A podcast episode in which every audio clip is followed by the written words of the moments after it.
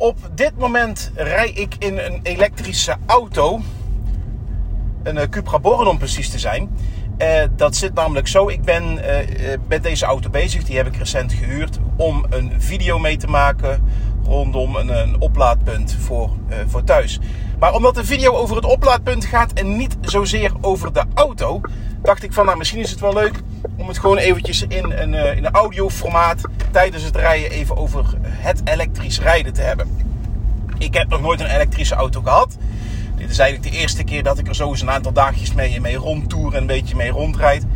En ik kan je met, echt met overtuiging zeggen dat elektrisch rijden het rijden van de toekomst is. Dat, ik, dat is geen discussiepunt. Kijk, we hebben natuurlijk het milieuaspect en eventueel ook het, uh, ook het kostenaspect wat meespeelt. Maar als je ook gaat kijken naar wat zo'n auto allemaal kan, wat een gewone benzine of een dieselauto niet kan, alle voor- en nadelen, dat is echt dat is geen, dat is geen vergelijk. Nou, om maar eens met het begin te beginnen. Een elektrische auto draait nooit stationair. Dus als je met een elektrische auto stilstaat, uh, dan sta je gewoon stil. Maar alle apparatuur, zoals radio, airco enzovoort, blijft gewoon aan. Want het komt allemaal uit je centrale accupakket. Dat is ook de reden als je naar de verbruikscijfers kijkt van elektrische auto's. Dan zul je zien dat die in stedelijke omgevingen zuiniger rijden dan op de snelweg. Terwijl bij brandstofauto's is het precies andersom. Omdat brandstofauto's in de stad uh, heel veel stationair draaien. Wat er verder nog opvalt is, uh, is, is, is het remmen. Nou, uh, elektrische auto's die doen eigenlijk allemaal aan regeneratieve remmen. Dus bij het remmen zal een groot deel van de remenergie zal worden teruggewonnen en richting de accu worden gestuurd. Kijk, bij benzine- en brandstofauto's gaat het gewoon verloren als hitte. Dat is gewoon weg. Kun je niks meer mee. En dat is bij een elektrische auto dus niet. Kijk, als je bij een elektrische auto echt een noodstop moet maken, dan grijpen natuurlijk alsnog, alsnog de remklauwen in. Er zitten gewoon schijfremmen in. Maar dat gebeurt bij het gewone rijden eigenlijk niet. Daarop doorpakkend um, heb, heb, je in deze auto, de ID3 heeft dat bijvoorbeeld ook, en er zullen er vast nog veel meer zijn waar ik het niet eens van weet. Die heeft one pedal drive.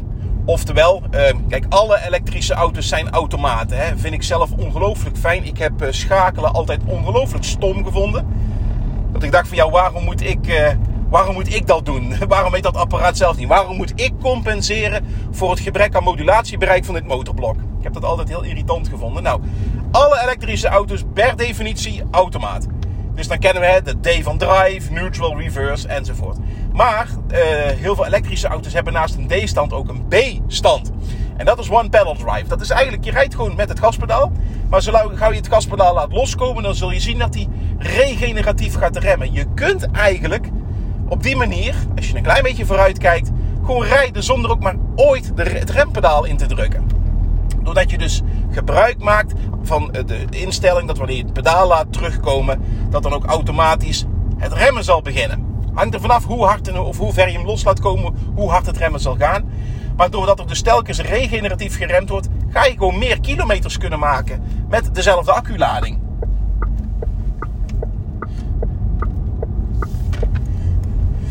Nou, wat verder nog in deze auto's allemaal standaard is, maar dat hebben gewone brandstofauto's tegenwoordig ook wel eens. LED-verlichting rondom. Uh, ik snap echt nog steeds niet waarom dat er nog steeds gloei- en halogeen, of ja, eigenlijk zijn het halogeenlampjes. Hè. Halogeenlampen worden gebruikt en gloeilampen worden gebruikt in nieuwe auto's. Dat is zo'n ouderwetse techniek. Ja, oké. Stel je maakt er LED van, dat zal misschien een 100 of 200 watt vermogen schelen. En als een, uh, een, een, auto een beetje tegenwind krijgt, dan moet hij misschien al 1 of 2 kilowatt meer motorvermogen bijzetten. Om de snelheid te handhaven met die tegenwind. Ja, dat is ook wel zo. Maar waarom zou je inefficiëntie in stand houden als het niet nodig is? De techniek is er, maak er dan ook gebruik van. Um,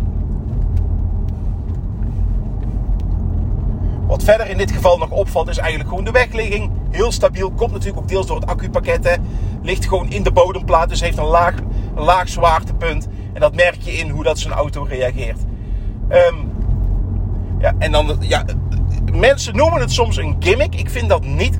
Dat is het acceleratievermogen van een elektrische auto. Ik kom nou toevallig bij een weg aan waar ik het meteen even in de praktijk kan brengen. Wel zo handig. Jullie zien er overigens helemaal niks van. Ik wel. En ik kom doorgaans aan woorden niet tekort. Nou, ik rij, even kijken, ik rij hier eventjes de weg op. Nou, ik rij nu uh, 10. En nou gas, gas, gas, gas, gas. En ik rij nou 80. Nou, jullie kunnen dat vast eventjes in seconden natellen. Maar dat, is, uh, dat ding accelereert best, uh, best goed. En dan zou je zeggen, ja, dat is een gimmick. Dat is een paar keer leuk, maar daarna dan kijk je er niet meer naar. Of uh, het is heel slecht voor de banden. Nou, dat is natuurlijk wel waar. Je moet daar wel een beetje mee uitkijken. Je gumt je banden weg als je dit heel vaak doet. Maar voor mensen vergeten vaak het veiligheidsaspect. Hoe vaak komt het niet voor dat je bijvoorbeeld in een drukke stadssituatie, maar vooral op de snelwegen, situaties tegenkomt waarbij je gewoon net even niet handig uh, gepositioneerd bent. Je zit tussen twee voertuigen in of, uh, de, of iemand remt heel hard en je moet ontwijken.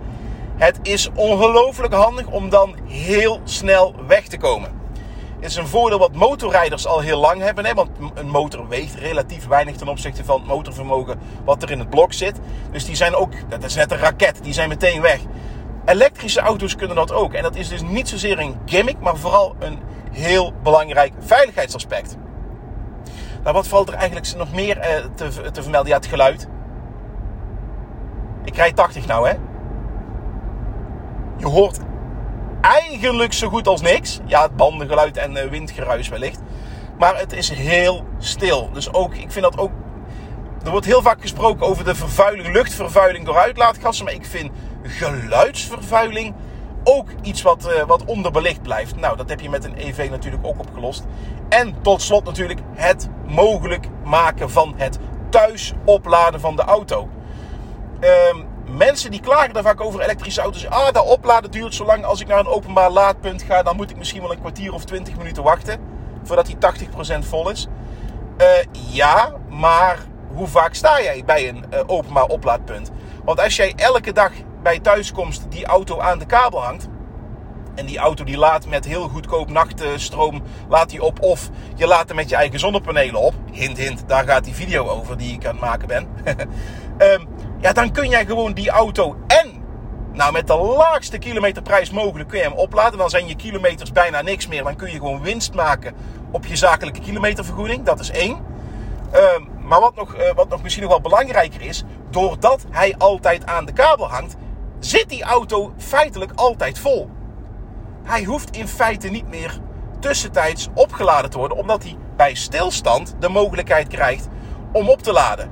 Uh, besef wel dat uh, auto's gemiddeld 95% van de tijd stilstaan. Nou, als je een, goed deel van die tijd aan een kabel hangt, dat kan bij je werk zijn. Hè? Ik, ik voorzie het wel dat de, de laadpas of zelfs gratis gebruik van laadpalen bij, bij het kantoor, dat dat de vervanger wordt van de, van de, van de tankpas. Die bij leaseauto's zit. Nou, als dat zo is, dan tank je op het werk helemaal gratis. Nou, wat wil je nog meer? Maar ook bijvoorbeeld het thuisladen van, uh, van zo'n auto met hele goedkope stroom. Kan hè? Waarbij je dan eventueel nog een losse meter op je, op je laadpunt kunt zetten. Dat je dat nog door kunt factureren als je zakelijk rijdt. Maar ook als je privé rijdt. Um, zeker bijvoorbeeld bij het gebruik van een dynamisch contract. De negatieve of goedkope uren en je laat dan je auto op. Nou, dan is je kilometerprijs negatief. Hoe vreemd dat ook klinkt. Dus er zijn heel veel mogelijkheden met EV's. En EV's, ik zit nu in een elektrische auto, maar je hebt bijvoorbeeld ook de elektrische scooters die heel populair zijn en die je voor relatief weinig geld kunt kopen. Elektrische motors, die zijn in opkomst. Uh, ook daar gelden eigenlijk allezelfde voordelen mee. Nou, hier wou ik het graag eventjes bij laten. Uh, ik ben heel positief over uh, elektrisch vervoer. Uh, ik zie eigenlijk alleen maar voordelen met uitzondering van de aanschafprijs. Met name bij elektrische auto's. Uh, die, uh, dat, is nog, dat is nog erg hoog. Maar als, je dat, als die prijzen over een tijdje nog gaan dalen. Denk bijvoorbeeld aan het goedkoper worden van de accu's. Hè, want die worden op meerdere plekken gebruikt. De schaalvoordeel gaat daar spelen. Dan gaat die prijs naar beneden. Ehm, onderhoudskosten zijn heel laag tot, tot, tot minimaal te noemen. Je hebt maar een paar slijtagecomponenten. Banden, ruitenwissers remschijven door het regeneratief remmen eigenlijk ook niet zozeer meer. Uh, dus daar is uh, heel veel te halen qua kostenbesparing. Maar ik denk echt dat. Uh, kijk, als je gaat kijken naar vervoer, het is natuurlijk beter om vervoer, te combineren. Denk aan treinen, denk aan bussen enzovoort. Maar als je gaat vervoeren en je zou dat elektrisch doen in plaats van met een verbrandingsmotor, de voordelen gaan verder dan alleen maar het milieuaspect. Nou, tot zover. Ik heb weer genoeg gepraat. En uh, dan zie ik jullie binnenkort weer op mijn kanaal. Dank jullie wel.